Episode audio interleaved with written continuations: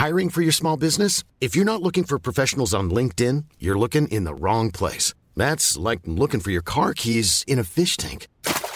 LinkedIn helps you hire professionals you can't find anywhere else, even those who aren't actively searching for a new job but might be open to the perfect role. In a given month, over 70% of LinkedIn users don't even visit other leading job sites. So start looking in the right place. With LinkedIn, you can hire professionals like a professional. Post your free job on linkedin.com slash people today. Hey there, it's Michelle Norris. I'm host of a podcast called Your Mama's Kitchen. When I travel, I'm usually looking for a way to find a taste of home when I'm not at home. And one of the things I love to do when I am at home is entertain. And Airbnb allows me to do that. When I was in California recently, I rented a house that had a great kitchen. And when we were sitting around the table, we we're all thinking, we're in someone else's house. Someone could be in all of our homes as well. If you have a home, but you're not always at home, you have an Airbnb. Your home might be worth more than you think.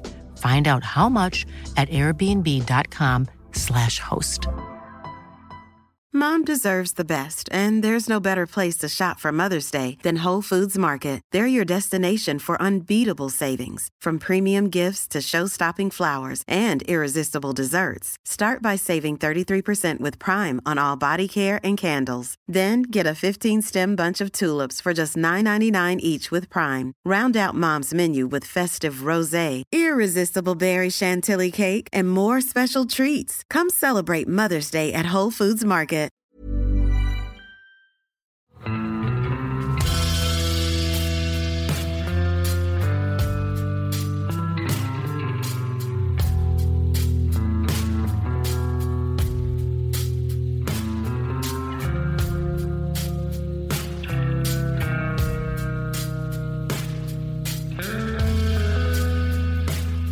Hei og velkommen til podkasten Uteliv. Mitt navn er fortsatt Randulf Valle, og i dag er Bengt Rotmo gjest. Og da forstår jo alle at da skal vi snakke om utstyr og turteknikk og sånne ting, for da er jo Bengt min faste sparingspartner på det temaet. Og i dag skal vi snakke om vintertelt og vintertelting. Og da tenkte jeg, Bengt, at eh, det er jo naturlig å Eller jeg vet ikke om det egentlig er naturlig, men det er i hvert fall eh, ligger liksom lagelig til å nevne at du, du har jo nettopp vært på vintertelttur på Polhavet for å eh, treffe Børge Ausland og Mike Horn. Hvordan var det her? Ja, det var først og fremst en veldig stor opplevelse. Børge snakka jo med meg for det er nesten to år siden, faktisk. For han skulle jo egentlig gjøre denne turen i fjor. Altså for, for et år siden. Men så pga. is og isforhold og litt andre ting, så bestemte de seg for å utsette den til den sesongen som var nå, da. Eh, men da Børge han er jo ekstrem på det med planlegging av tur. Og i den sammenhengen hvor han drev og planla den turen, her, så, så nevnte han for meg at uh, du, Bengt, hvis at, uh, du kan være litt på alerten sånn på slutten av den turen, i tilfelle vi trenger hjelp, så, så hadde det vært veldig fint. da. Så, og det, det, setter jeg jo veldig stor pris på, egentlig. Uh, og da ble det jo sånn i, på slutten her at drev jo og fulgte med når Børge og Mark Altså det de gjorde, da. De uh, seila fra Alaska og inn i isen uh, på, Russ, ja, på grensa mellom Alaska og Russland en plass. De gikk til Nordpolen. Og så gikk de fra Nordpolen og sørover mot Svalbard. Da. og så var det egentlig ganske spesielle vindforhold i Polhavet i år som gjorde at drifta ble veldig østlig, som gjorde at det ble veldig langt å gå. Og da var litt sånn på tampen der, så så vi det at det her var Det ble litt sånn eh, snaut da, med tid, helt på slutten der. Og derfor så ble det jo sånn, da, som en Børge på en måte eh, så for seg kunne skje, da. At eh, vi måtte opp da, og bistå da, i tilfelle det skulle bli dårlig med tid. da. Så derfor så gikk vi opp eh, fra Svalbard, opp i isen med ei skute som heter for Lanse. Og inn i isen eh, rett nord for Sydøyene, eh, som ligger eh, og nord for Nordøstlandet på Svalbard. Der gikk vi opp til 82,15. Og hvor det ble en liten stopp for skuta. Og derifra så gikk vi ut på ski da, og skulle møte en Børge. da. Det egentlig det det ble, det ble jo at den turen Det var en Alex eh, som var med meg på den turen der. Alexander Gamme, ja. Eh, og det var jo liksom eh, litt sånn usikkert på hva akkurat der og da, hva vi skulle ut på. Om vi skulle dit og forsyne dem med mat, eller om vi bare skulle dit for å møte dem, hvor de gikk helt inn til isen. Eh, men så ble det en sånn, inntil båten, mener jeg. Så ble det på en måte en sånn mellomting, da, hvor at eh, de så at det her kanskje kunne gå, men at det kanskje ikke kunne gå. Derfor, så når vi gikk ifra båten, så var det egentlig eh, en sikkerhet i forhold til at det skulle kunne løses på en trygg måte, da, kan du si. Så vi har med oss mat for Ja, jeg har med 30 dager med mat, jeg og Alex til sammen. Og Det betyr at da kunne vi gå fem dager inn i isen, og vi kunne gå fem dager ut sammen. Ble det ikke 30? Jo, det skulle bli 30. Grovt regna. Hva tenker man med det? Ja, det skulle bli 15 pluss 15, ja. Ja, jeg tror det. Så det var liksom det var um, spennet som vi har da, i forhold til hva vi kunne eh, gjennomføre. Eh, Og nå har jeg nå sett sånn da, at matrasjonene som vi har med oss, det var akkurat samme rasjonene som Børge og Mark brukte på turen. Jeg tror jeg og Alex vi fant ut at vi brukte én rasjon til sammen på én dag. så det var skikkelig rasjoner, så vi har egentlig kunnet være oppi der ganske mye lenger enn enn ti dager. da. Sånn sett, da. Så vi har egentlig ganske godt spenn i forhold til det og hva som kunne skje. Så, men eh, når vi møtte dem, så har de faktisk eh, en og en halv dag med mat igjen. Og da endte det egentlig opp med at vi var bare, bare oppå der som en slags sånn sikkerhet i forhold til at uh, hvis det skulle skje et eller annet, så har vi muligheten til å plukke mat fra pulkene våre. Så, så det var liksom uh, i grove linjer det som skjedde oppå der. da. Men uh, nå er det sånn da at normalt når du, når du går ut på en sånn tur oppe i Polhavet, så trener du litt på forhånd. Og du er liksom litt sånn skikkelig på da, i forhold til fysikk og alt det der. da, så Utstyrsmessig så har vi pakka veldig bra. Vi har, vi har, vi har full, full mundur, akkurat det samme i bulkene vi som Børge Mark. Vi, kunne, altså vi har fullt utstyr, hele pakka. Eh, men vi har jo ikke akkurat eh, lagt inn sånn toppformen før den turen der. Så vi starta ganske hardt, for at vi bestemte oss for det at vi skulle, eh, vi skulle gå så langt som mulig første natta. Sånn at, sånn at de kunne se da, at det her er faktisk, det her går, det her kommer til å gå. Eh, og de òg la inn en sånn skikkelig sånn, eh, en spurt akkurat samme natta. Så det, vi, vi tok ganske mye avstand eh, den første dagen vi gikk.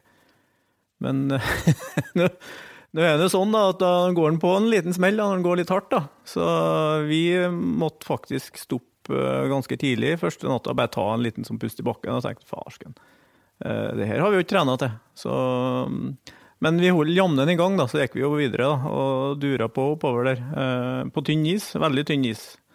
Egentlig mye tynnere is enn det som jeg syns er behagelig å gå i. Eh, og vi endte opp egentlig med å komme bort til ei råk, for det er det som var problemet, det med råker. Altså det åpne vannet var i bevegelse, du er så nærme iskanten at eh, ting beveger seg lett. da. Og endte opp allerede første, første kvelden, da. Altså kvelden, det var mørkt hele tida. Det var bare natt. Uh, Nede i råk, da. Og må telte på ganske tynn is. da. Uh, mye tynnere is enn jeg noen gang har telta på før, egentlig. Så fant vi en plass med to lag som var liksom skuvd over hverandre, og der setter vi teltet. Og da snakker vi sikkert ja, totalt da, ti centi, kanskje, med is oppå der. Da fant vi at vi måtte bare ha en liten pust i bakken. Og campene der, da, uh, nede i råk, da, det var ikke langt ifra åpent vann, sånn at uh, jeg tror ikke at det ville vært noe farlig for opprytting der, så det var egentlig greit, greit nok da, å ligge der. da. Eh, men det som er da, på den isen der, så er jo veldig vanskelig å finne snø, ikke sant? For den har jo nettopp frosset. Og, og det området var svært. Det var, det var langt borti snø der vi gikk, og vi gikk lenge før vi kom dit. Uh, og så fikk vi et lite problem da med å finne vann allerede første natta. Så det var en litt sånn Hva er det her for noen ting? Altså, men vi, det ble jo greit rimelig kjapt dagen etterpå, da når vi først kom oss ut og spara litt på det som vi har fra dagen i forveien. Eh, skrapa i hop et eller annet som vi fant ut var, ja, det var noenlunde fritt for salt. Da. Så fikk vi i hvert fall eh, en grei frokost. Og så har vi ja, hver vår halvliter å gå på da, utover der. da.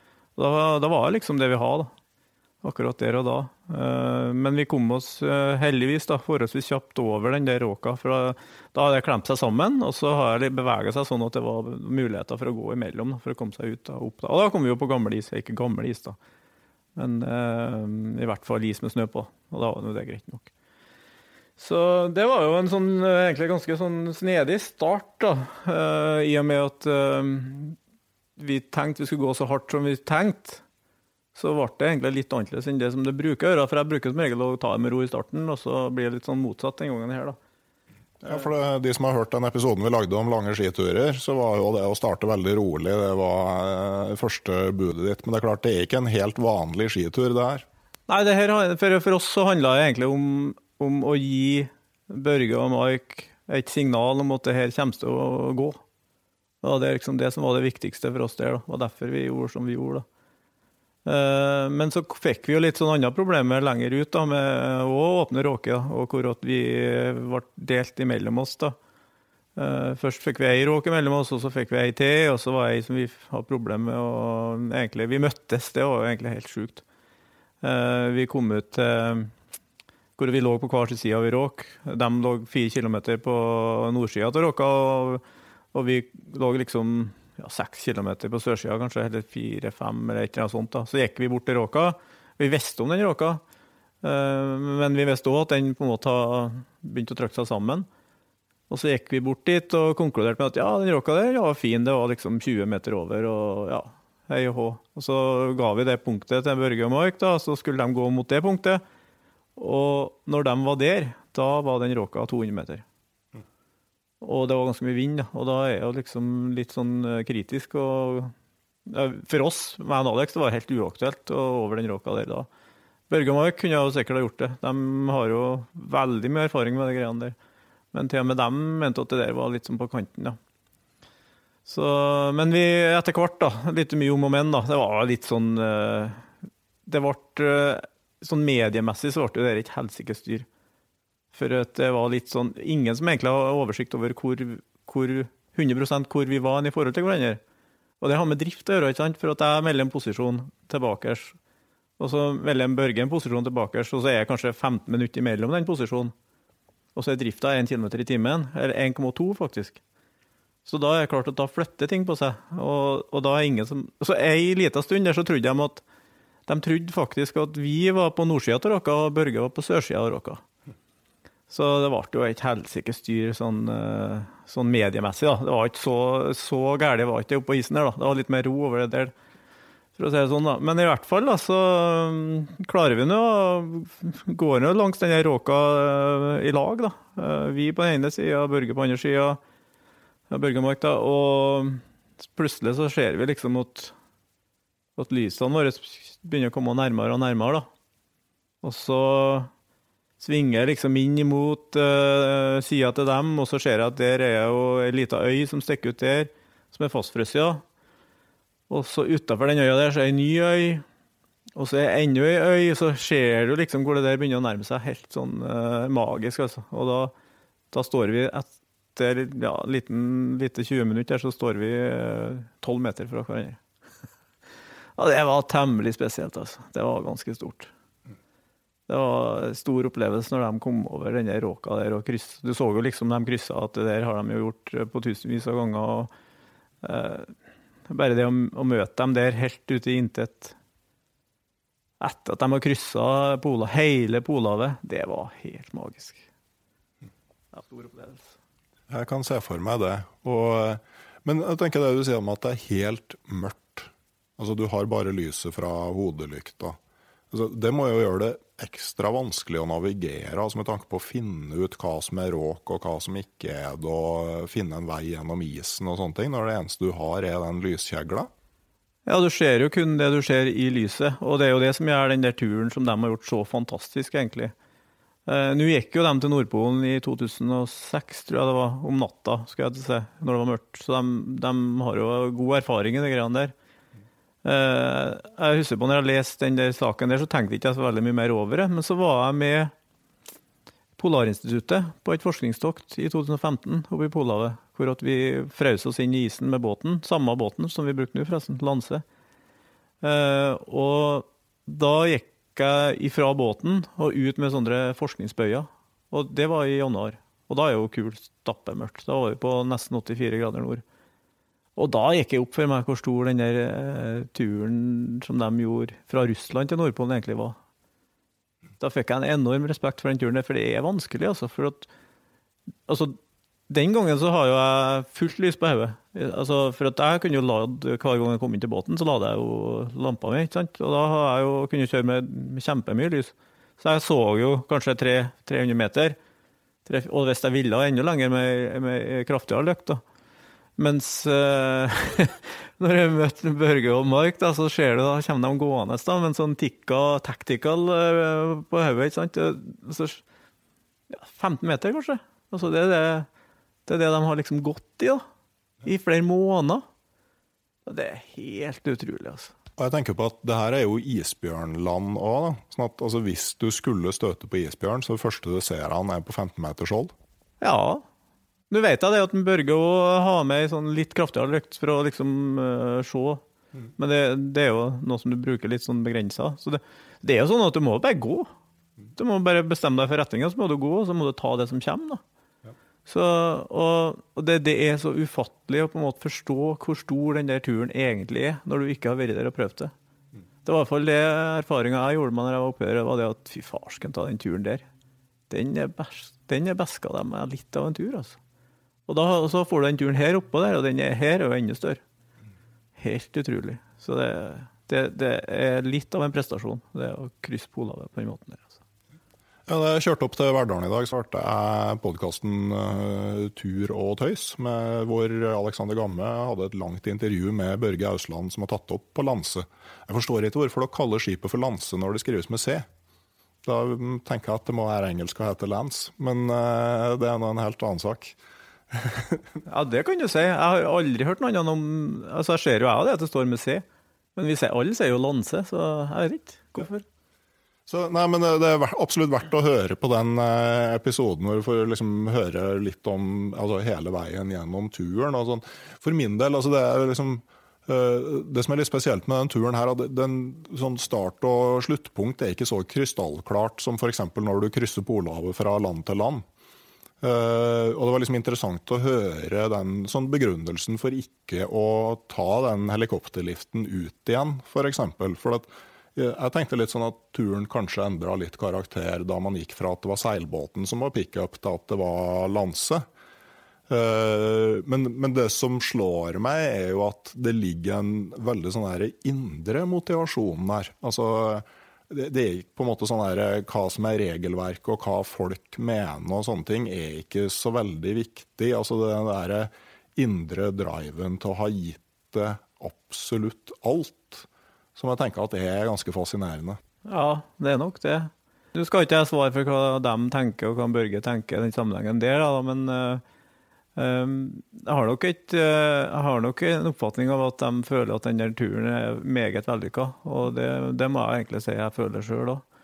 Og det om at en bruker lanse kontra at en bruker seilbåten opp dit, det, det handler rett og slett om litt, litt, om sikkerhet. Og kanskje aller mest om sikkerhet til oss da, som skulle møte dem. da. For jeg tror nok at uh, det ville ha blitt for oss en helt annen tur hvis vi skulle gått om med seilbåten, med en vesentlig høyere risiko for oss. Uh, sannsynligvis omtrent den samme fra Børgemark. Mm. Så, så, for meg så må jeg si at jeg er veldig, veldig happy med den måten det ble gjort på, sånn sikkerhetsmessig. Ja. Og så må jeg jo si, da det, Børge har jo holdt på med det her siden på 80-tallet. Han var jo over Grønland med Når var det, da? Ja, da jeg husker ikke på året, men det var på 80-tallet en gang. Og så gikk han vel til Nordpolen tidlig på 90-tallet, og han første til å gå solo til Nordpolen i 94 mener jeg det var. Og En sånn veldig sånn beskrivende ting da, det er jo det at eh, den gangen så laga han en eh, pulk som var dobbeltbundet. Så skulle han krysse i råk, så kunne han liksom ta ut alt utstyret, så kunne han få en sånn katamaranpulk, ikke sant, og så padle over. Og noen år etterpå da, så krysser han Polhavet, og da, da, da, finner han tak i den der Helly Hansen-drakta der, som han på en måte lager til sånn at du kan gå på ski med og alt det der. da. Og bruke den og krysse råken. da. Uh, og så har du den turen her, da, hvor at han eh, farsken ser på den der packraften der, og så faen, det her må da gå an å bruke, ikke sant? Og tar med seg det opp i Polhavet og, og, og kommer tilbake etterpå og sier at det turen her hadde vært mulig å gjort uten det packrafta.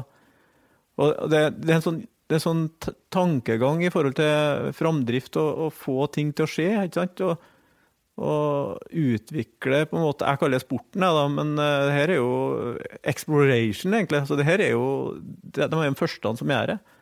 Og de, på en måte, de møter ting som ingen andre har møtt før. Og da må de på en måte eh, finne opp kruttet sjøl. Og så kommer jo vi andre etterpå da, og tar i bruk de måtene de gjør ting på, og tror at det her er veldig enkelt. ikke sant? Men det her har vært faktisk en tankeprosess. da. Og det har jo liksom vært en sånn gjenganger gjennom hele, hele den karrieren som Børge har hatt på, på, med pulk. da. Og han har jo egentlig vært med og definert eh, sporten vår, da. Eh, hele veien.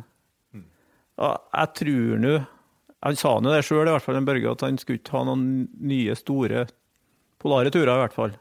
Og det, det kan nok stemme at han ikke kommer til å gjøre det. Og da, da er liksom det her epoken litt på hell, da. Og det å kunne være der og møte den på isen. Eh, på den siste store polferden, det var det for meg kjempestort. Ja, og så traff Mike Horn. Sist gang du traff han, var vel òg på, på sjøis nord for Canada i april 2003. Ja, det var nede i Jenlin Island, det. Kjenner du ihåg det? Det var stort. Nei, det var snedig. Ja, det husker jeg på, ja. Jeg husker på du liksom tok den der Mike Horn, I presume. Og har at han svarer Do you have any alcohol? For da har han vært ute i flere måneder. Ja, det husker jeg godt på. Og så den der natta vi har på isen der, og kvelden, ikke minst, da, og historiene. Og han er jo et oppkomme av historier. Han har jo opplevd så mye, den mannen, at det er helt sjukt. Helt vilt, altså. Han er nok eh, den største i den bransjen her, sånn all over, vil jeg, vil jeg påstå. Han har gjort mye rart, altså. Jeg husker jo det allerede da var litt sånn der, Vi hadde jo lest om en del sånne, på sånn elvebrett ned Amazonas og sånne ting, og tenkte liksom Herregud, for en fyr. Og så plutselig møter du ham ute på tur. Det var litt sånn her eh, OK, hva sier det om det vi gjør nå, liksom? Eh, men eh, men eh, det var kanskje ikke de verste folka å være stuck med i isen noen uker heller? Nei, det på, tida på båten var veldig fin, egentlig. Den, eh, den drøg jo ut, da. Litt i langdrag, men eh, det var veldig fin gjeng, altså. Og alle var veldig positive, og ja, 200 dager som de kom, alle, det var ingen som liksom har det dårlig der. Alle har det bra. Eh, Jeg husker godt på den her tida her kommer jeg til å huske på veldig godt i framtida. Helt klart. Ja, tur. Fin tur. Ja. Nei, og jeg tenkte jo sånn, Du nevnte jo media, for det, det, det var jo ganske grei dekning av turen i og med at det var to VG-journalister om bord på Lanse. Så, og folk har jo ment mye. Og jeg tenker altså, Ja at det, det er jo ingen som mener at eh, polarekspedisjoner er viktigere enn akuttilbud i, i Finnmark. Eh, Men hvis man nå først skulle begynne å ta ut noen nyhetssaker for å gjøre mer plass til de veldig viktige tingene, så tenker jeg at jeg hadde kanskje tatt ut den der sang-til-sang-anmeldelsen av uh, hver gang vi møter liksom på direkten på lørdagskvelden, før jeg tok ut rapportene fra Polhavet. Men det, det er nå meg. Ja, nei, det, jeg skal ikke ha noe formening om det der. Altså, jeg liker jo at ting eh, foregår uten at det blir noen sånne kjempesvære ting rundt det. Så har det vært mitt, mitt valg, så har ikke vært noen journalister om bord på båten. Men det er nå bare personlig. Eh, Men jeg ser jo det at han er avhengig av å ha pressedekning hvis en skal holde på med det greiene her. Det er nå egentlig bare sånn det er. Så det må han jo bare akseptere. Og altså det, det beredskapsnivået som er på Svalbard, det er nå der. Og, og det, sannsynligvis så er nok det, må nok det være på det nivået der, vil jeg tro. da. Det er noen grunn til at det er som det er, og det er ganske mye båter oppe, oppå rundt Svalbard, til og med på vinteren. altså. Så jeg tror ikke at eh, Det sier jo mer om det beredskapstilbudet som er på land. Altså det, det tenker jeg at det, det kan jo være en sak, det, da, at det er for dårlig. sannsynligvis. Men uh, det skal ikke jeg legge meg opp i helt tatt. Nei, men, at, men, jeg ser ikke på en måte sånn den direkte relasjonen mellom uh, de to. Altså, det er jo de som må si at man må slutte å dekke iscenesatt drama. Ok, da er jo sportsredaksjonene nedlagt. For hvis det er noe som er et iscenesatt drama, så er det jo sport. Altså Om et fotballag i England vinner eller taper kampen sin, har ingen påvirkning på ditt liv med mindre du velger å la det ha det. Nei, det er jo, det er jo sant. Så ja, Jeg velger å ikke ha noe mye kommentarer rundt det der. Det skjønner jeg. Det skjønner jeg. Eh, det var mer en kommentar fra min side. Men eh, da var vi kommet til dagens tema, som altså var eh, vintertelting. Og ja, du nevnte jo ei sånn ganske, en ganske sånn spesiell teltcamp på 10 cm polhavsis. Men hva er på en måte den røffeste natta natta du har hatt i telt vinterstid, Bengt? Det, det, er litt sånn vanskelig å egentlig sette fingeren på det. Men jeg, jeg må velge å se på det på to måter. Og det tror jeg er Hva opplever du som den farligste og skumleste natta, og hva var den farligste og skumleste natta, tenker jeg da. Eh, så jeg tror det verste natta som jeg har hatt i telt, eh, sånn eh, i forhold til det som var farlig, da, det, det tror jeg var i Patagonia. Det var Det var ja, det var 2009, tror jeg. Da kryssa vi eh, den nordlige innlandsisen. Og så ble vi liggende på været under et sånt pass for å liksom komme oss videre sørover der, da. Og når vi satte opp uh, teltet, så har vi sånn en god storm, da. Som, uh, som gikk i retning nord-sør, cirka, da og setter jo opp uh, teltet i henhold til det. Og før liksom, og Så begynte det å snø litt, men før liksom ting har satt seg skikkelig, så fikk vi noe ordentlig sånn kast fra sida. Og det var sånn langvarige kast, sånne kast som varer i flere minutter. Så, så, sånn, og jeg husker på, for har, jeg har akkurat uh, rukket å sovne. Jeg lå i Metta. Børge var med på den turen der. Og en kar som heter Torleif Nøkleby. Uh, så Jeg lå i metta der, ja. og så kjenner jeg det at det er noe som slår meg på nesen.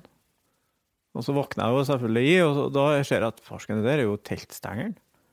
Og da ligger jeg midt av teltet og blir slått av den. Da er det klart, da er det noe som skjer. Og da fikk vi sånn skikkelig sånn orkankast fra sida. Og det at teltet klarte å stå i de greiene der, det, det, var, det er ganske utrolig, egentlig. da. Uh, vi har doble stenger, husker jeg på. Har ikke vært for dem, så har ikke det gått. Garantert ikke. Ehm, og det som skjer, er at jeg, jeg, jeg, stiller meg opp, og så holder jeg den ene teltstanga opp, og så Torleif holder hånda i, og så stikker en Børge ut og begynner å fikse. Da. Og da trekker en eh, klatretau på kryss og tvers over hele teltet, for å på en måte Sånn at presset på ene sida det blir mot Altså ene press på ei side presser opp på andre sida. Du setter opp tauet sånn da, på kryss og tvers. Og så plutselig en som fyk over teltet. Og nå husker jeg ikke på i farten om det var en børger om det var en pulk, men det var iallfall noe svært tungt som durer rett over teltet. et av de kastene der. Og det, og det, skal ganske mye til for å flytte på ting, altså. Så, uh, for så store ting, da. Jeg mener det var en børge som, som peisa over teltet, altså, men det er mulig det var en pulk. Um, og så fikk jo det der uh, tauet satt på plass teltet såpass at, uh, at det på en måte var levelig inni der, da. Og så var han jo sitte der og prøve å holde på det der da i ja, et par timer. da. Men da, da snødde det så mye samtidig at det begynte å sette seg skikkelig. da. Så etter hvert så setter det seg skikkelig, og da, etter hvert som snøen bygde seg opp, så ble jo teltet stående. Og um, morgenen så går snøen helt jevnt med toppen av teltet. Og det her var jo sånn firemanns Spitsbergen. Uh, Helsport Spitsbergen. Jeg vet ikke hvor høy den er, men er over en meter. Ja. Den var sikkert 1,30 eller noe sånt. Så all den snøen den har ramla i løpet av den natta her. Og det var helt flatt ut. Og så så du så vidt to centimeter i teltbuen. Jeg har bilde av det hvis du vil se det. Se, det her er sant. må, bildet må vi få lov å dele med leserne på eh, dertil egnede medier. Ja, det er helt i orden, ja. Nei, men det var ganske utrolig, det. altså. Det, og det var nok ei skummel natt sånn i forhold til at ting har skjedd da så har jo alt gått til heden, da. Så ja, jeg tror nok at det er kanskje et av de mest kritiske. Men altså, utstyret funka, alt hull, og takk og lov for det, for å si det sånn. Men det summerer opp eh, litt sånne ting som vi etter hvert skal komme inn på som problematisk. Altså at du får mye vind før teltet, liksom rett etter du har satt opp teltet, og at du får det inn på tvers. Eh, Det er jo eh, to ting som eh, du gjerne vil unngå. Ja, i hvert fall hvis du kjører tunnel, da. Ja. Som vi brukte her, da. Ja, for La oss eh, snakke litt om, eh, om valg av eh, vintertelt. For det er jo hovedsak to liksom, grunnkonstruksjoner du kan velge mellom. Det ene er tunnelteltet, og det andre er kupperteltet. Altså, Hva er fordelene med et tunneltelt som dere hadde der? Ja, jeg vil jo si at det er, det er kjappere å sette opp eh, normalt sett, da. I hvert fall inni et sånt kuppertelt. da. Så, det- og så det, det handler jo litt om hva du er vant til å bruke òg. Og hva er du vant til å sette opp. Eh, eh, men vi nordmenn, vil jeg nesten påstå, for vi polfolk, altså vi pulkfolket, vi har vært veldig glad i de tunnelteltene. For det blir jo veldig fine, store telt med god plass og lite komplisert, egentlig. Eh, Gjerne har du tre buer, ikke sant, og teltet er opp på under fem minutter hvis du må det. Så det er lett å sette opp og enkelt å holde på med til og med vind. Ganske sterk vind. Ja. Hva er fordelen med kupperteltet? da? Nei, jeg vil jo påstå at det er sannsynligvis er mer stabilt, i hvert fall for sidevind. Så det er ganske stabile telt, og så blir de veldig sånn eh, Jeg sier at kupperteltene er veldig store. Nei, eh, tunnelen er, ganske, er veldig stor, men det er lett å få et stort, lett telt, da. Mens et sånn kuppertelt, det blir mm, mer rommelig, hvis du skjønner forskjellen.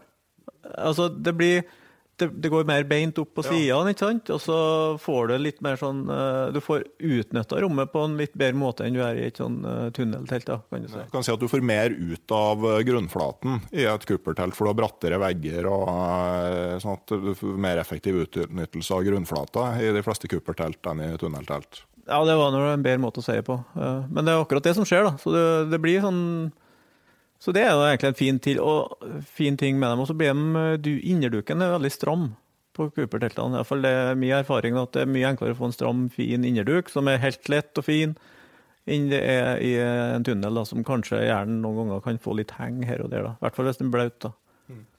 Ja, for De fleste kuppertelt er jo er i større eller mindre grad sjølstående. Sånn at eh, altså på en måte at eh, spe, stengene spenner ut eh, teltet og gir det, det form, den formen det skal ha. Og pluggene er i stor grad der for å feste det til underlaget. Mens på et tunneltelt så er det pluggene som på en måte spenner ut teltet til den formen det skal ha, og det klapper sammen liksom, i en haug hvis du fjerner pluggene. Ja, ja, helt klart. Så, så det er nok også, Som du sier, da, så, så tar det gjerne mindre plass da, på altså, arealet. I forhold, altså, i, hvis du ser dem i forhold til hverandre. Da. Og så er jo vil jeg si det er enklere å lage en sånn Det er enklere å få et telt med en stor vestibyle, som de sier. da. Altså et uh, yttertelt. da. På et kuppertelt? Nei, Nei, på et, på et tunneltelt, ja. Så Det virker på meg som det, i hvert fall. De uh, ytterteltene som er på kupperteltene, de er gjerne mm, små og litt sånn uh, ja, kjelke i forhold til det. da. Og Så har du jo enkelte som kombinerer elementer fra begge to. altså Helsport Svalbard det er jo et godt eksempel, som liksom har en kuppeldel og en mer sånn tunneldel. Ja, ja, ja. Nei, vi har den, brukt, den brukte jo vi i Nordvestpassasjen, og har den brukt den flere ganger før. det, det blir jo en sånn kombinasjonsløsning, egentlig. Og, og den står jo utrolig fint, den. Så det, det er en fin, fin og god løsning, det òg. Men av en eller annen merkelig grunn så mm, Kanskje det handler litt om latskap, da. Det er derfor han har havna på det da. Ja, det er stort sett det du bruker nå. Ja, jeg bruker kun tunnel nå, ja. Mm.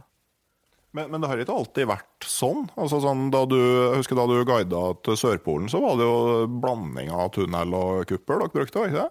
Ja, da har jeg med meg et ganske stort kuppertelt, og så har jeg med meg to Svalbard. Så, men jeg tror nok at eh, for skivind så er nok sval, den Svalbard-versjonen til Helsport er nok eh, sannsynligvis mer stabil ja, enn en tunnel. Ja. Sannsynligvis. Ja. For å summere opp litt sånn, så er jo altså eh, tunnelteltene eh, Du får store, relativt lette telt som er raske og enkle å sette opp.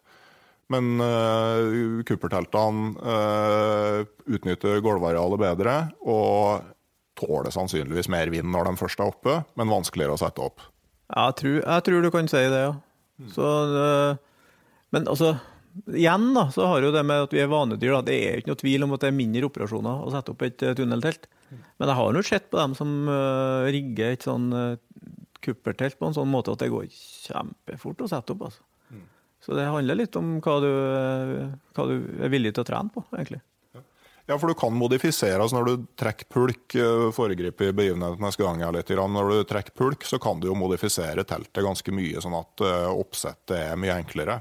Ja, ja. Du lager jo stengeren like lang som pulken. Mm. Sånn at uh, Eller du teiper dem sammen, da, sånn at de er like lang som pulken. da. Så, så setter du opp et uh, tremannstelt, uh, tunneltelt fra en storpulk, så er jo ei stang, eller da er ett ledd i stanga, og så er det bare å dra inn til koppen, og så er jo den der buen opp, ikke sant? og det gjør du tre ganger, og så strekker du ut teltet.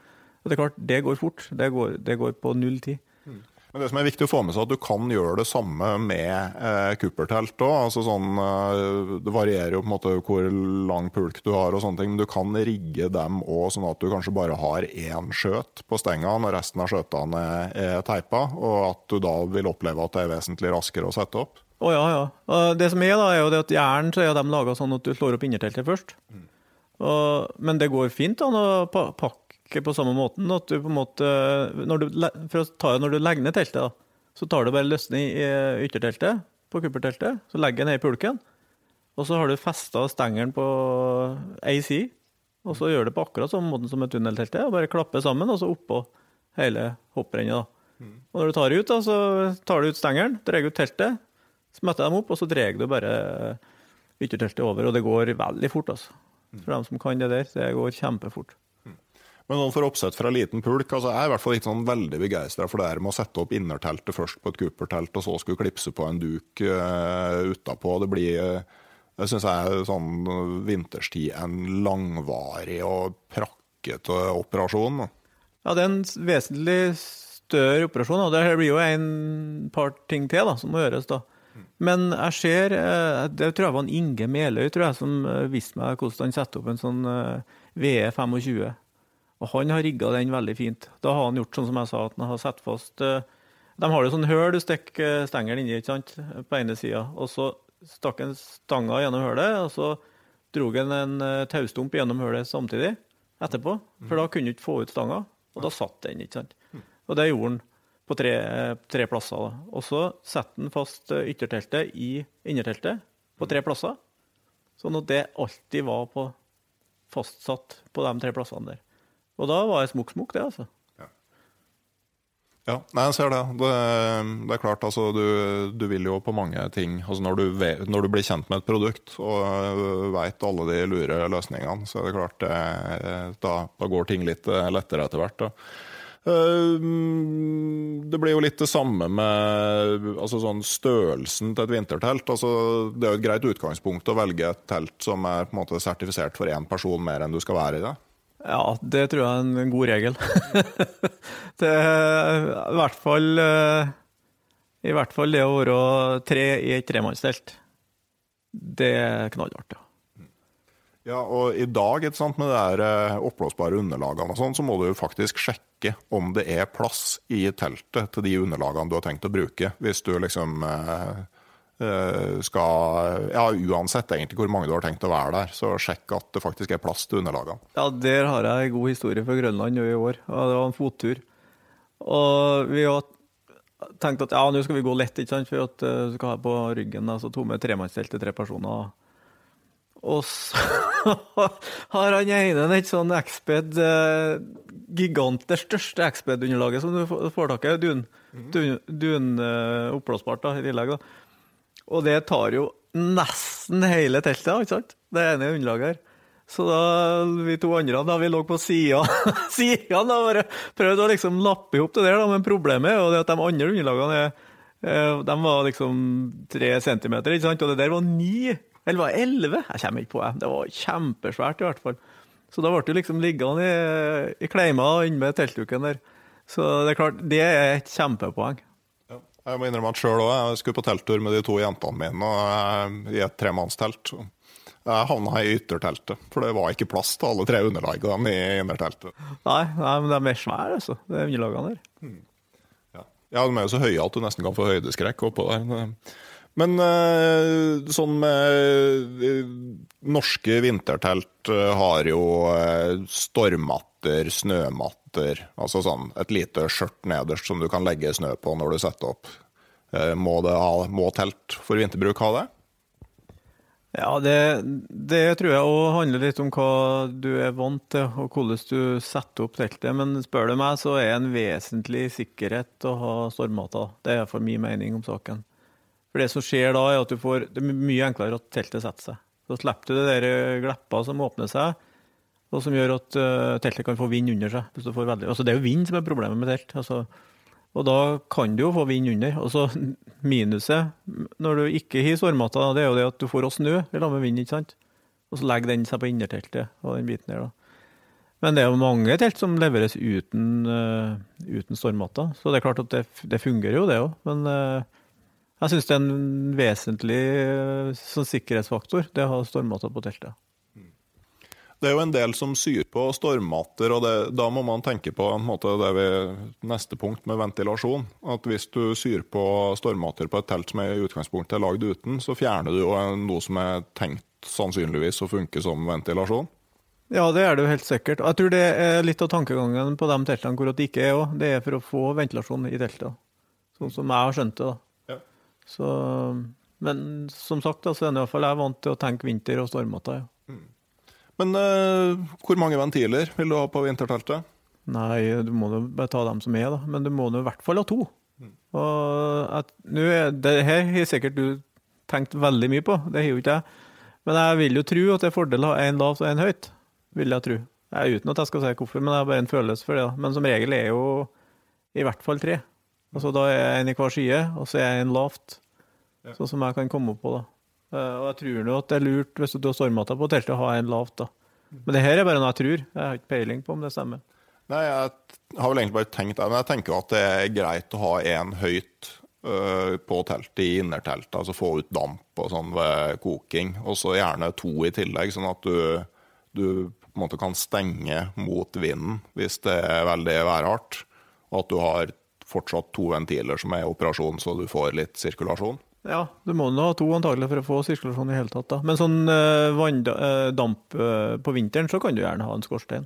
Mm. Det syns iallfall jeg fungerer veldig bra. Ja. Det er jo sånn du får modifisert. altså vil, ja, det, det, er vel enkelt, det er vel enkelte telt som om ikke skorstein, så har de ganske gode ventilasjonsløsninger i taket. men uh, men du, du kan òg få f.eks. Helsport Syro på skorstein i, i teltene, uh, hvis du ønsker det. Og, og, det er jo veldig effektivt når du driver mye med koking innendørs. Ja, ja. Nei, det funker fint på vinteren, det. det er jo, egentlig burde jo ikke vinterdelt ha skorstein, spør du meg, da. Men, men, det er klart, hvis du da igjen skal bruke på sommeren, så får du jo et hull i taket der som kanskje kan slippe inn litt fuktighet da, når det regner. Så Det er vel grunnen til at de ikke leveres med skorstein. Antageligvis. Men uh, vi snakka jo på uh, ja, kanskje en siste ting når det gjelder sånn med teltkonstruksjon. altså Normalt så har man jo telt med innertelt og yttertelt. Men det fins òg telt som er lagd i én duk med membranmaterialer. Har du noe erfaring med det? Jeg har ikke kjempemye, nei. Eh, jeg husker på Bergans har jeg et telt som har brukt litt Det var Shoyo, det jeg tror mm. Og så har jeg vært borti et jeg husker ikke på navnet på det teltet. Det andre er oransje. Veldig fint telt. egentlig. Det, det som er overraskende, da, det er jo det at de blir jo ikke spesielt mye lettere. Nei. Eh, men nå kan en snakke bare kun ut ifra to telt. da. Eh, Også, men det her er bare en følelse, så det for at jeg har brukt så lite tid. Men det føles som at teltene er litt kaldere.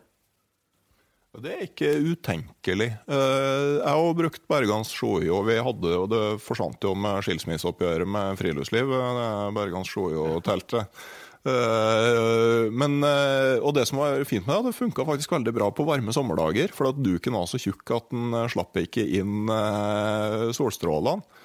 Så, men jeg bruker et Ferino-telt et lite kuppertelt som jeg bruker liksom når jeg er på litt kortere turer alene. Og jeg er egentlig litt glad i det, men det kan godt, eh, når du sier det, det at det muligens er kjøligere. Det, det kan faktisk være. Ja, Nei, som sagt så har jeg ikke kjempemye erfaring med. Men det, det erfaringa jeg har med det, er jo når du fyrer de teltene der, så blir de jo veldig fort tørre. Mm. Du fyrer liksom På et eller annet vis så presser du fuktigheten rett ut av duken. da. Ja, det er klart Du lager jo stort drivtrykk for, eh, for membranen når du da både får tina bort alt av snø og is på innsida og lager stort damptrykk og høy varme på innsida. Så, så, er, så er det klart, altså det, det er veldig behagelige telt å, å bo i, syns jeg. Det, men det markedet er jo fryktelig lite av en eller annen grunn.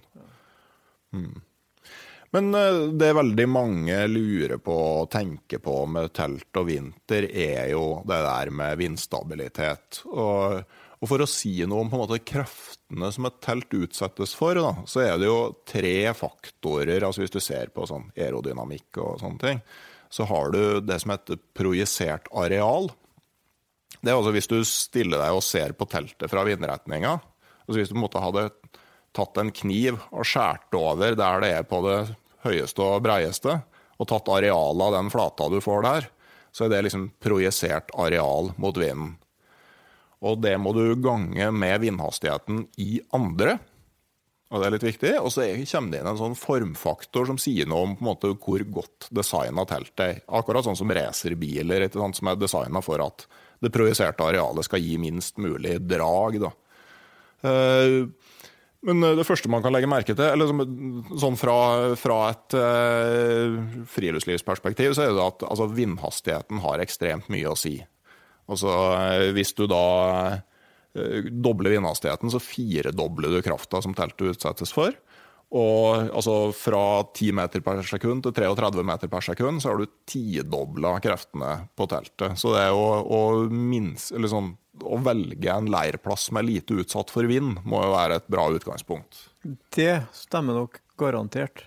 Mm. Eh, ja, nei, men det kan jeg det, Og det forklarer jo hvorfor du får problem når du får et tunneltelt fra sida, for da blir jo arealet vesentlig større. Mm. Og i tillegg så har du jo det med buene, da. De virker ikke stive på samme måten. da. Så, så, det forklarer jo en del det, det greiene der. Så det er jo ikke noe tvil om det. Mm. Men du prøvde for den Sørpolturen som vi snakka om, så prøvde jo du telt i vindtunnel. Altså, kan du si litt om hva du fant ut da? Ja, det jeg gjorde da, for jeg, trengte to typer telt. Jeg trengte ett telt som uh, var et sånn hvor det skulle bo to personer i, og så trengte jeg ett telt som var stort nok til å samle hele gjengen. Og vi var seks, var vi ikke? Seks ja, totalt, ja. Uh, og Nei, sju var vi. Sju var vi. Tre, to pluss to pluss tre, ja. Mm. Og da endte jeg opp med å teste vanlig tunnel, telt. Så testa jeg en del kupp telt, og så testa jeg to forskjellige typer stortelt, det var. Eh, det som jeg fant ut, det var Og de der teltene der de har ei, ei stang, så det var ikke noe sånn snakk om doble stenger eller noe sånt. da. Det var bare ei vanlig stang, sånn som teltet ble levert. da. Um, og det jeg fant ut, det var det at opp til storm så var det ikke noe problem. Ja, hvor mange sekundmeter er det? Nei, Da er vi jo 24, ikke ja. Mm. ja der omkring. Alle teltene sto på 24. Men fra 24 til 32 så begynte ting å skje. Spesielt når du liksom bikka 28. Da var det store endringer i forhold til hvor teltet egentlig tørde. Så det var sånn, for meg så virka det som var kritisk. da.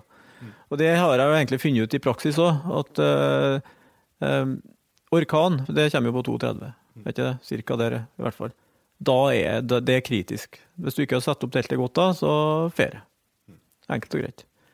Og det må en i prinsippet så en bør være i stand, i hvert fall på utsatte plasser, til å sette opp en camp som står i orkan. Sånn i verste fall. Men det er i hvert fall det Og det større teltet vårt, så det ene teltet, det klappa på det klappa på rett over 24, mens det siste klappa på 3 eller 34, tror jeg. da. Og det, og det var mye mindre. Det var jo et tomannstelt. da. Og Det er noe å merke seg at selv om du da har brukt uh, måte, to- eller tremannsversjonen av en teltmodell, så betyr ikke det at femmannsversjonen tåler like mye, for du får jo da et mye større projisert areal, større krefter, og i tillegg så får du jo da lengre avstand mellom stengene, og jeg vil tro at det òg gir større trykk på stengene. Det vil jeg tro. Nå kom jeg plutselig på det at det var faktisk et som klappa før 24, det, men det var svært. Det var et sånn seksmannstelt. Så det var høyt. Det var nesten sånn at du kunne stå inni. Og det, det, er klart, da blir det så mye areal at da, eh, da begynner ting å skje. Så, men, men, igjen, da. Det her var jo bare en liten test som på en måte eh, kan si noe om sannsynligheter for ting. Eh, den er ikke noe, jeg vil ikke påstå det var noen vitenskapelig test nei, på noen måte. Nei, men den er jo mer vitenskapelig enn det de fleste har gjort, da, i og med at du, du har veldig like forhold mellom forskjellige modeller. og, og uh, ser litt at, uh, ja, at det, det, skjer veldig mye på noen få, ganske få sekundmeter, fordi at kreftene øker, øker veldig fort. men hva kan du da gjøre med campen for å sørge for at det teltet du har med, tåler så mye vind som mulig?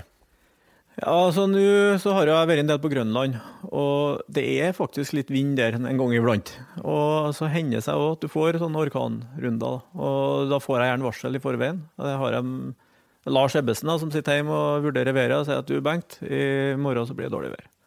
I morgen må du sikre campen, i morgen har du 30. Og hvis han sier 30, da vet jeg det at kastene har nesten 40. ikke sant? Eh, og da graver jeg ned campen. Eh, så mye som du egentlig klarer, men det, det betyr normalt sett sånn 30-40 cm. Det er ganske mye arbeid å grove ned en hel camp.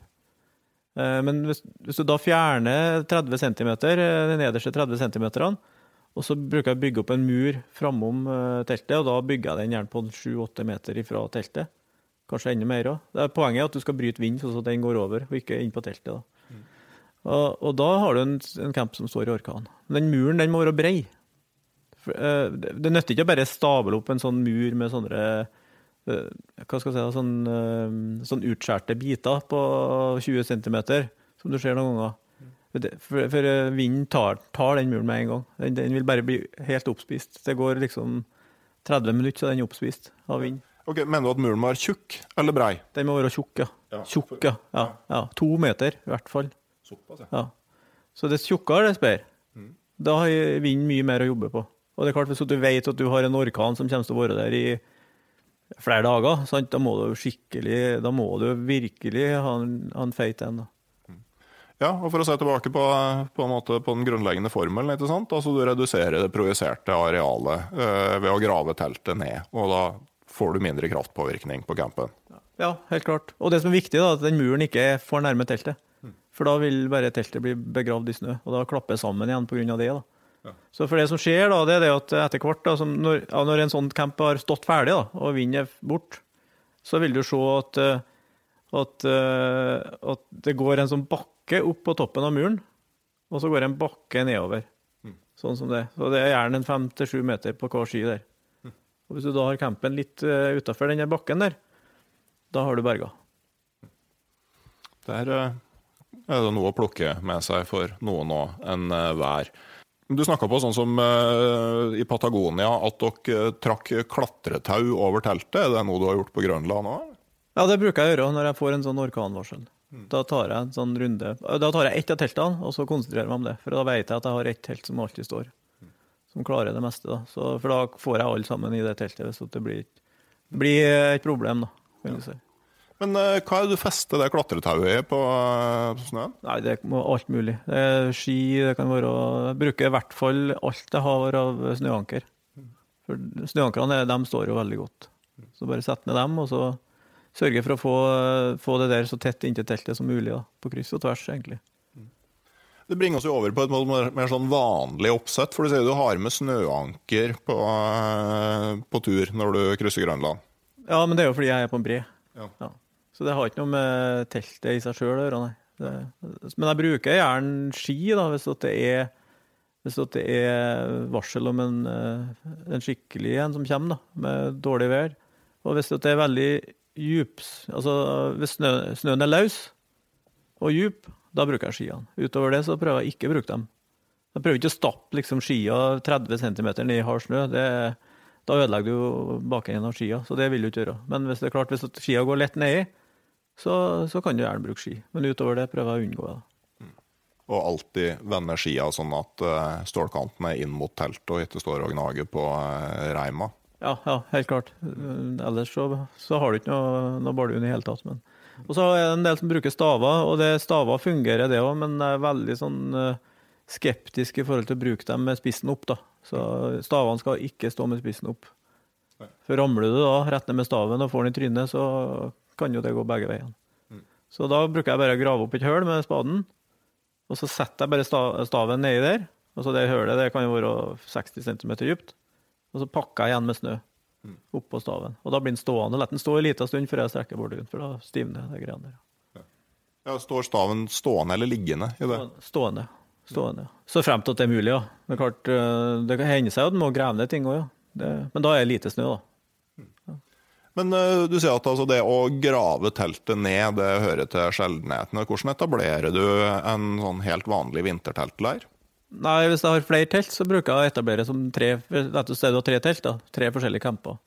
Så, så det, det, er fritt, tre frittstående telt som på en måte lever sitt eget liv, da, kan du si. Eh, noen bruker å sette dem sånn at de står på linje. For da tar det nærmeste teltet støyten for alle de andre. Og så er det noen som bruker å sette dem i sånn trekantmønster, eller diamantmønster, hvis de har store, store camper. da. Og Teorien da er jo at, måte, at, snøen møter det ene, og så breier seg utover og så utover. Det er jo teorien, da. Men jeg må ærlig innrømme at jeg har hatt mer prakke mellom å ha teltene nærme hverandre, nærme, enn det å sette dem frittstående. Så. Og da setter jeg dem bare rett på snøen. Uten noe mer. Jeg bruker selvfølgelig uh, pulkene kanskje gjerne som litt sånn uh, først, første vind møter, og så bruker jeg jo selvfølgelig snømattene. Men that's it, altså. Og da står teltene godt i storm. Ja. Hva slags snø legger du på stormmatta? Nei, Den bør jo være så fast som mulig, da, egentlig. da. Men du, jeg bruker jo den snøen som står rett på sida. Jeg går ikke og leter snø, nei. Det vet jeg, nei.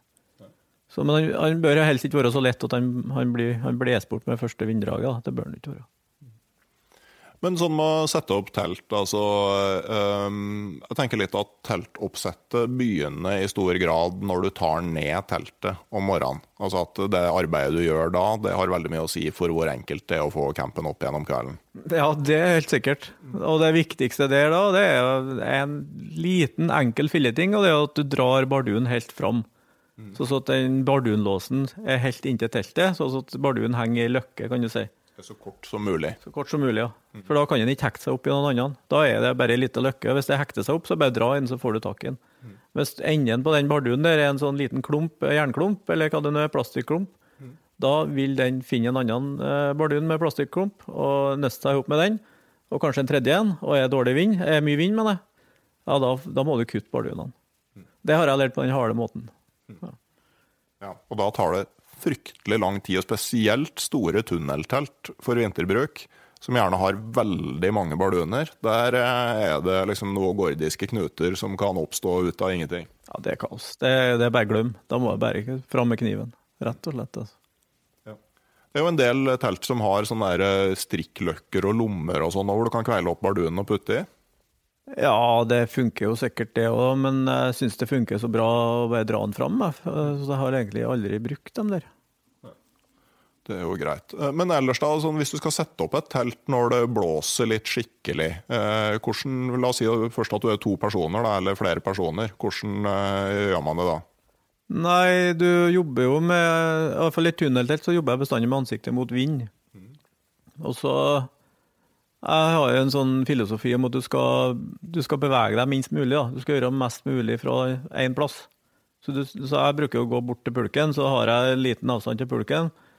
Og så tar jeg teltet ut, og så setter jeg opp bue for bue der. Mm. Sånn at uh, Før jeg strekker teltet, da, kan du si. Og Da starter jeg bestandig med den buen som er mot vind, og så legger jeg den ned, sånn at buen ligger flat ned på snøen. Og så tar jeg neste bue, legger jeg den oppå den. Og Hvis det er veldig mye vind, så har jeg en person som holder tak i den og sørger for at den buen ligger ned på snøen. Mm. Og ikke blæs, For med en gang den blåser opp, så får den jo areal, ikke sant? men ligger den på snøen, så har den jo null. Så det er ikke noe problem. Så er jeg tre buer, da, så tar jeg tre buer og legger dem ned. Og så fester jeg toppen av teltet, altså toppen av den ene buen da, som er mot vind, i enten pulk, ski eller eh, snøanker eller hva det nå er, for sånn at jeg sikrer teltet. Og så drar jeg ut og så fester på andre sida. Da har jeg strekt teltet. Og så strekker jeg ut uh, det som blir sida mot vind, og så neste sida uh, vinst, da, hvis du skjønner meg. Ja, altså du jobber deg, du begynner liksom eh, nærmest vinden og jobber deg, eh, jobber deg nedover i medvind, kan du si. Ja. ja, ja. Jobber alltid den veien der. Og når jeg tar ned teltet, så er det motsatt. Mm. Da jobber jeg fra medvindssida, altså mot, eh, mot pulken, da. Eh, det kan være greit hvis du pakker teltet ned i posen. så hvis du har, eh, Jeg prøver sånn regel med å ha en av endebardunene stikkende ut av rullen. Sånn at du kan eh, vite at den bardunen som stikker ut der, det er enden av teltet, og kan forankre den før den begynner å rulle ut og, og putte i stenger og sånn. Ja, helt enig. Et eller annet system som gjør at du vet hvor du er igjen. Så noen, det er mange forskjellige måter å gjøre det der på. Jeg ser det noen som har, har den der bardunen festa til pulken til enhver tid. Så, så når teltet er nedpakka, så er det den ene bardunen der festa. Og det er nok en kjempegod løsning, det. altså. Eh, en annen ting kan jo være at eh, bardunene har forskjellig farge. At den ene bardunen har, han er rød, mens de andre er oransje, eller hva det nå skulle være. Men i hvert fall sånn at den kjenner seg igjen veldig lett. da. Det tror jeg er viktig. ja. Og så er det sånn, Hvis man er litt fersk, altså stikk ut og prøv når det blåser. Og, og så er det når man er flere, så er det en grei regel at én egentlig bare sørge for at teltet ikke drar sin vei, mens den andre setter opp. Det tror jeg er veldig lurt. Og, ja, og trening spesielt er også lurt når det er dårlig vær. For det er nå engang sånn da, at du, hvis du er usikker på om du får opp teltet, da må du begynne å sette opp det. For da har du allerede gått litt for langt. Men jeg sier at i hvert fall sånn som på sånne store turer, så må du kunne sette opp og etablere en, en camp i storm. For plutselig kan den være der. Og så må du kunne etablere en camp som står i orkan. Det er sånn to, to gode eh, tommelfingre, da, egentlig. da. En annen ting er jo at du må huske på at du skal sette opp teltet med noe på hendene, altså gjerne med votter. Altså at, uh, du, altså at du ikke øver hjemme i uh, godt og varmt vær med barfingre, og så står du ute der og så skal du gjøre det samme med votter. Det er jo en veldig god ting å gjøre, å øve med votter. Bruk vottene. Alltid. Du skal kunne bruke vottene til alle operasjonene du gjør når du, når du setter opp teltet. Det vanskeligste det er å fyre på primusen. Ja, Gjør du det med votter? Nei, det, det, jeg tvinger meg sjøl til å gjøre det noen ganger, men jeg er litt sånn lat, da, da, blir den da er den jo inne i teltet. Da, så, så da, da, tar jeg av meg vottene her.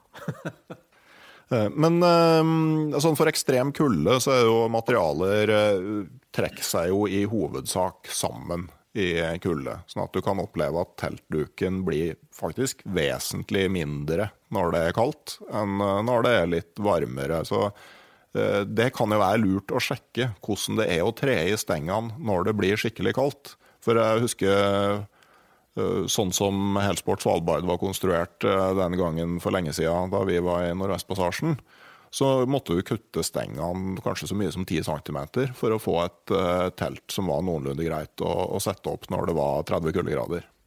Ja, da, det var de langstengerne. De kutta jo. Nei, jeg kutter alltid stengerne. Mm. Uh, på et sånn vanlig firemanns tunneltelt så tar jeg 5 cm med en gang. Mm. Det første jeg gjør. Og samtidig så kan du stramme inn strikken ganske kraftig? Ja, det, og, den, og, den, strikken der, den er jo sånn at den, den lever jo et liv, den òg. Så det er ikke sånn at du, det strikken du la ifra deg ene året, likeens året etterpå. Den strekker seg etter hvert.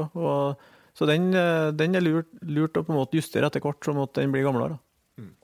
Det er jo sånn at uh, strikk hører til materialgruppen elastomerer, så vidt jeg husker, fra materialteknologien, som har den sjeldne egenskapen at de utvider seg i kulde, i stedet for å trekke seg sammen. Sånn at den strikken som holder teltstanga sammen, den forlenger seg ganske mye. Og når du liksom er vant til å liksom ta tak i den ene enden av teltstanga og riste litt, så strekker det seg pent utover, så gjør det ikke lenger det. det kan være, den strikken kan være veldig mye for lang.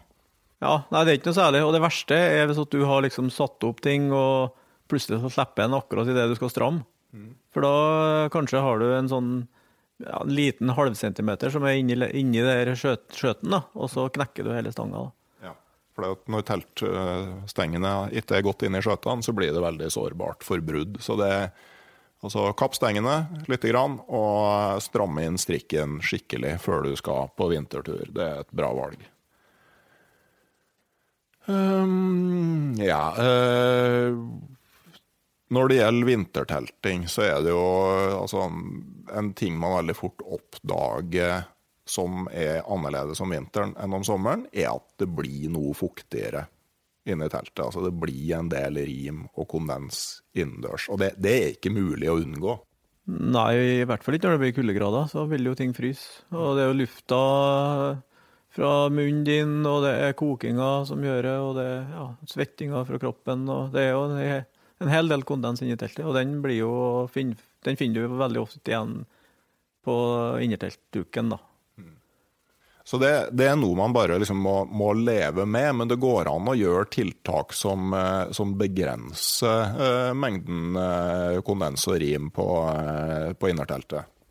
Ja, det som jeg bruker å gjøre, i hvert fall, det er at Sånn typisk, da, så når du stiger opp, så har jeg brukt å ordne meg sånn at jeg kan bare snu meg i posten, og så kan jeg kikke ut på Og så fyre opp primusen. Og så gjør jeg det fyre opp primusen og sette i gang med vannkokinga. Og da har det islaget som ligger i ytterteltet, innerteltet, mener jeg, det har på en måte blitt litt sånn mjukt. Men da har du litt sånn dårlig tid, for da begynner det å bli varmt inni teltet. Så du, da må du fjerne det der islaget før det begynner å dryppe. da. Det er én måte å gjøre det på. Det andre er å gå rett på og bare skrape av. da. Men da blir det så veldig sånn finkorna. Så, så da er det veldig ofte at det, det skvetter litt på sidene. Men er det sånn at uh, det er sånn akkurat passe temperatur på det, så tar du flak for flak. Og da går det ganske kjapt å fjerne uh, fjerne den der islaget som ligger på ytterteltet. Mm. Innerteltet, mener jeg. Ja.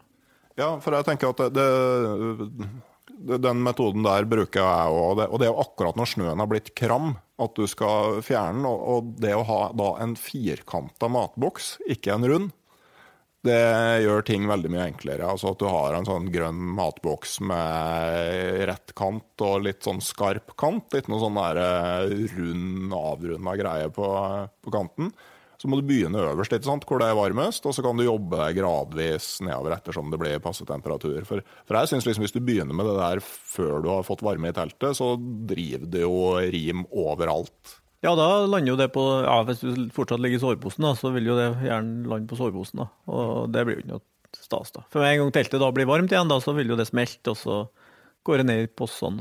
Så, så har du det laget ytterteltet, som gjerne da fryser til is. Eh, etter en liten stund. For det, det, ligger jo der, det òg, men så smelter det, og så fryser det kanskje. Og hvis du klarer å ta det akkurat når det er frostig, så kan du bare banke lett i teltduken, og så bare ramle ned på sida. Men det er litt uheldig å legge seg oppå innerteltet, og da begynner jo dryppinga igjen. ikke sant? Så, så, men det, ja, det, er jo et problem det der med fuktighet. Det er jo, og som du sier, da, det er jo bare noen må akseptere og prøve å leve med. da. Hvis du gjør det på den måten der og har litt ekstra eh, drivstoff til primusen, så da først eh, altså at du kan ta kjelen etter hvert da når du er ferdig med å smelte snø og ta inn, så, så, så tørker du rimelig fort eh, innerteltet. Sånn, mm. altså, du, de fleste er jo ikke på sånn 30-dagersturer hvor du må spinke på hver dråpe med drivstoff. Så liksom så ha med nok fuel til primusen og eh, ta inn primusen og tørke innerteltet skikkelig om morgenen, så, så, er det mye koseligere å krype inn igjen om, eh, om kvelden. Og så kan man jo være litt sånn påpasselig med måte, hvor mye vann og kondens man drar med inn. Da. At sånn eh, F.eks. at du trenger til å la gryta stå og putre og koke lenge uten lokk at du kan børste snø på klær og utstyr og sånn før du tar det med inn. Altså, for den fuktigheten må jo komme fra et sted. Uh, så kan du liksom, Og i tillegg å ha en viss ventilasjon i teltet. Jeg merker jo de teltene som har god ventilasjon i taket. De, de eh, vil jo da òg eh, bli noe mindre kondenser. Ja, ja. Og så har du jo en annen ting, og det er jo når du er liksom på tur ut av teltet så ligger jo en del fuktighet eh, på teltgulvet. Så da er det jo viktig på en måte å fjerne den. da. For hvis du ikke fjerner den, så vil jo den på en måte rulle seg inn i innerteltet, som kanskje er til og med sånn halvvarmt når du på en måte pakker sammen. Og så vil du jo få deg igjen igjen seinere, da. Så hvis du fjerner de greiene der før, eh, før, du på en måte pakker ned teltet, så har du jo fjerna ganske mye fuktighet for natta, neste natta det aller beste vet du, men så når det er teltgulvet på sånn type påsketur hvor det er tidlig oppe, og så lar du det rimet på gulvet bli liggende igjen, og så ligger teltet litt høyt oppe i pulken og blir godt og varmt i løpet av dagen. Men så har sola forsvinner igjen til du skal ha det opp igjen, så har du en sånn fin iskladd eh, som en gang var et telt. Ja, og i hvert fall når den går inn i glidelåsene da i tillegg. Så ødelegger du dem òg. Jeg har sett noen sånne teltløsninger hvor du har en sånn uh åpning i sjøle teltgulvet. Og det tror jeg egentlig ikke er så dumt. At du bare åpner opp teltgulvet, og så bare skuffler du ut snøen der. For det, da er den veldig enkel å bli kvitt. Ja. Det er en bekjennelse. Det er litt sånn som jeg gjør reint på sånne villmarksbuer som jeg er på, som har kjellerlem. Ja, ja, akkurat. Ja, ja, en sånn kjellerlem i teltgulvet, det tror jeg kanskje er lurt på et sånt vintertelt. da. Det, Eh, En ting vi faktisk ikke har snakka så mye om ennå, man kan ta om til slutt, det er jo det her med temperatur i eh, vintertelt. Og det er jo avhengig av størrelsen til teltet. ja, det er ikke noe tvil om. Et stort telt er kaldt telt. Et lite telt er mye varmere. Det er ikke noe tvil om. Det, og det, det ser en så veldig godt når en eh, går høstturer over Grønland. Eh, På vårturene så er jo gjerne litt varmere, ikke sant. Og da er bestandig store teltene populære, for da har du mye rom og områder. som er, og det er alltid enkelt ikke stort telt. Men eh, når det blir skikkelig kaldt, da blir det småteltene mye mer populære, for da er det mye varmere å sove i. Og, så det er ikke noe tvil om. Det er stor forskjell. altså. Det er absolutt greit å få med seg at eh, Altså, jeg er jo veldig glad i den liksom urversjonen av Helsport Svalbard som vi brukte i Nordvestpassasjen. Jeg mener det var 90 cm takhøyde. Ja, det tror jeg stemmer. Den er liten, altså. Nå, Ja. Nå er den veldig liten. Men, men altså, jeg er jo nesten to meter lang, og når du har vært inne i det teltet noen dager, så vet du jo hvor stort det er. Så, så liksom både med tanke på vindstabilitet og temperatur på en sånn eh, relativt røff vintertur, så var det ganske fantastisk. da. Ja, og det var ingen tvil om at det er et varmt telt. Vi, jeg husker på når jeg og Are gikk eh, over Alaska, så gjorde vi noen målinger. Og da måla vi innertemperatur i teltet og yttertemperatur hver eneste natt. Og vi, og vi hadde den kaldeste natta, tror jeg var 42 minus. Det var i hvert fall der omkring. Og da var jeg rundt 20, minus 20 da, i teltet. Da. Så det ble aldri kaldere enn minus 20 inni teltet. Og det er en ganske stor forskjell. Altså, jeg husker med, med som liksom de koseligste minnene fra Nordvestpassasjen var på den første etappa når vi drev rota rundt oppi der i mars. Det var liksom tidlig nok. Eh, Men når vi kom inn i teltet og fyrte opp primusen, så satte vi oss rundt den og begynte å ta av klær, og så grilla vi noe sånn eh, krydra spekkepølse over primusen. Og kjente at liksom varmen begynte å vende tilbake i både kropp og sjel.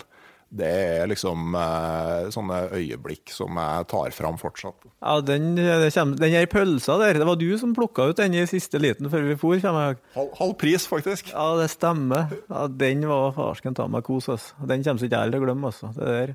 Og det ble jo så fint og varmt inni teltet der. Og det var kaldt ute. Å, store alpakka. Ja, det var, det var ganske surt. Vi var vel eh, kommet ganske sånn godt til enden av, eh, av temaet vintertelt nå, Bengt. Ja, vi har vært innom det meste, i hvert fall. Jeg kan ikke komme på noe sånn eh, andre ting i farten, nei. Men som sagt, da. Det viktigste det er at en tar den der barduen, strekker den helt inntil teltet, og sørger for at den der barduen er så liten som mulig da, når en skal pakke ned teltet. Det er på en måte ene viktige, viktigste tingen med vintertelting og oppsett av telt. Og så er det òg det at altså, det er litt ubehagelig av og til å være på vintertelttur. Spesielt når du skal ta ned teltet om morgenen, og når du skal sette det opp om kvelden. Men, eh, og det må man på en måte være litt forberedt på. Altså, er ikke, du er ikke like varm og tørr og har det like behagelig hele tida. Men de mulighetene som vinterteltet eh, åpner for deg til eh, naturopplevelser, og den kosen du får når du blir trygg på å bo i telt om vinteren og ligge og fyre primus og høre på at eh, vinden og snøen pisker over teltduken, den er mye mer enn veier opp for de stundene med ubehag, ikke sant? Ja, klart enig i det. Men det, altså, det er jo ganske rent og fint om vinteren da, inni teltet. Det blir jo ikke noe møkker, eller du drar ikke Du drar liksom ikke teltet fullt av skit og møkker. Så det er jo en, liksom en positiv ting med vinteren. da. Det er alltid rent. Alt er helt fint. Det, Bortsett fra de som bor i teltet. ja ja, det kan du jo si. Det, det er sant. Og det passer det jo fint å la være siste ord om temaet vintertelting i denne episoden her av podkasten Uteliv. Jeg skal nevne at podkasten Uteliv har et kommersielt samarbeid med Camp Villmark, Norges største villmarksmesse, som går av stabelen på Norges varemesse fra 27. til 29. mars. Der skal det bl.a. være live podkast med podkasten Uteliv. Kommer nærmere tilbake til tider og temaer når det nærmer seg. Og jeg blir stående der hele helga på et forfattertorg sammen med andre personer som skriver om tur og friluftsliv. I mellomtida så kan det jo hjelpe Camp Villmark eh, litt på veien med å f.eks. legge igjen en rating eller en anmeldelse i Apple Podkast. Eller du kan følge podkasten Uteliv på sosiale medier, Facebook og Instagram. Til nå så har eh, podkasten Uteliv som hovedregel kommet hver fredag. Eh, nå utover vinteren så har jeg valgt å som hovedregel ha 14 dager mellom hver episode. Det har litt med min arbeids- og familiehverdag å gjøre at eh, det er en del andre ting jeg også har lyst til å gjøre, i tillegg til å publisere podkastepisoder, og da er en 14 dagers syklus litt mer hensiktsmessig. Men akkurat den gangen her så er jeg tilbake om ei uke, på neste fredag. Og da skal dere få bli med til eh, Norges vestligste øy, nemlig Jan Mayen. Og i mellomtida så får dere bare ha det riktig bra og ta en tur ut.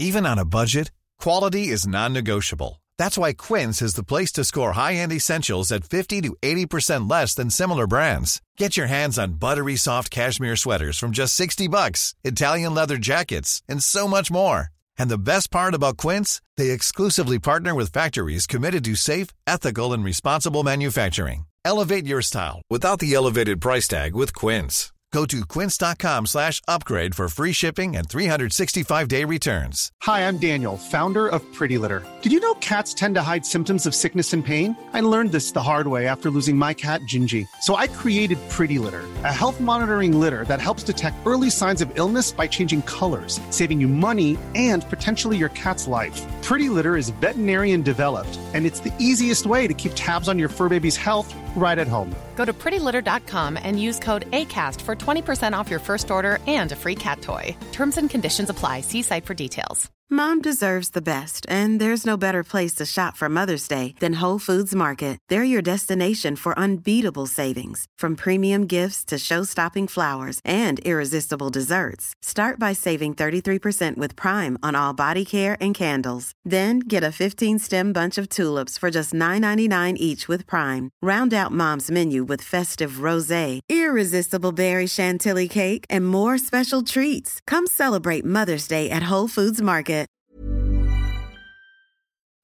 Hei, jeg heter Nore Helligsen og er daglig leder i Barents Outdoor. Det beste vi kan gjøre for planeten, er å redusere forbruket vårt og få mer ut av det utstyret vi allerede har. Men vi vet av erfaring at bruken av telt kan endre seg over tid. Det teltet du kjøpte for to år siden, passer kanskje ikke det behovet du har i dag. Derfor har vi i Barents etablert en egen panteordning der vi tar imot brukte telt av god kvalitet i innbytte når du kjøper et nytt av oss. Prosessen er enkel.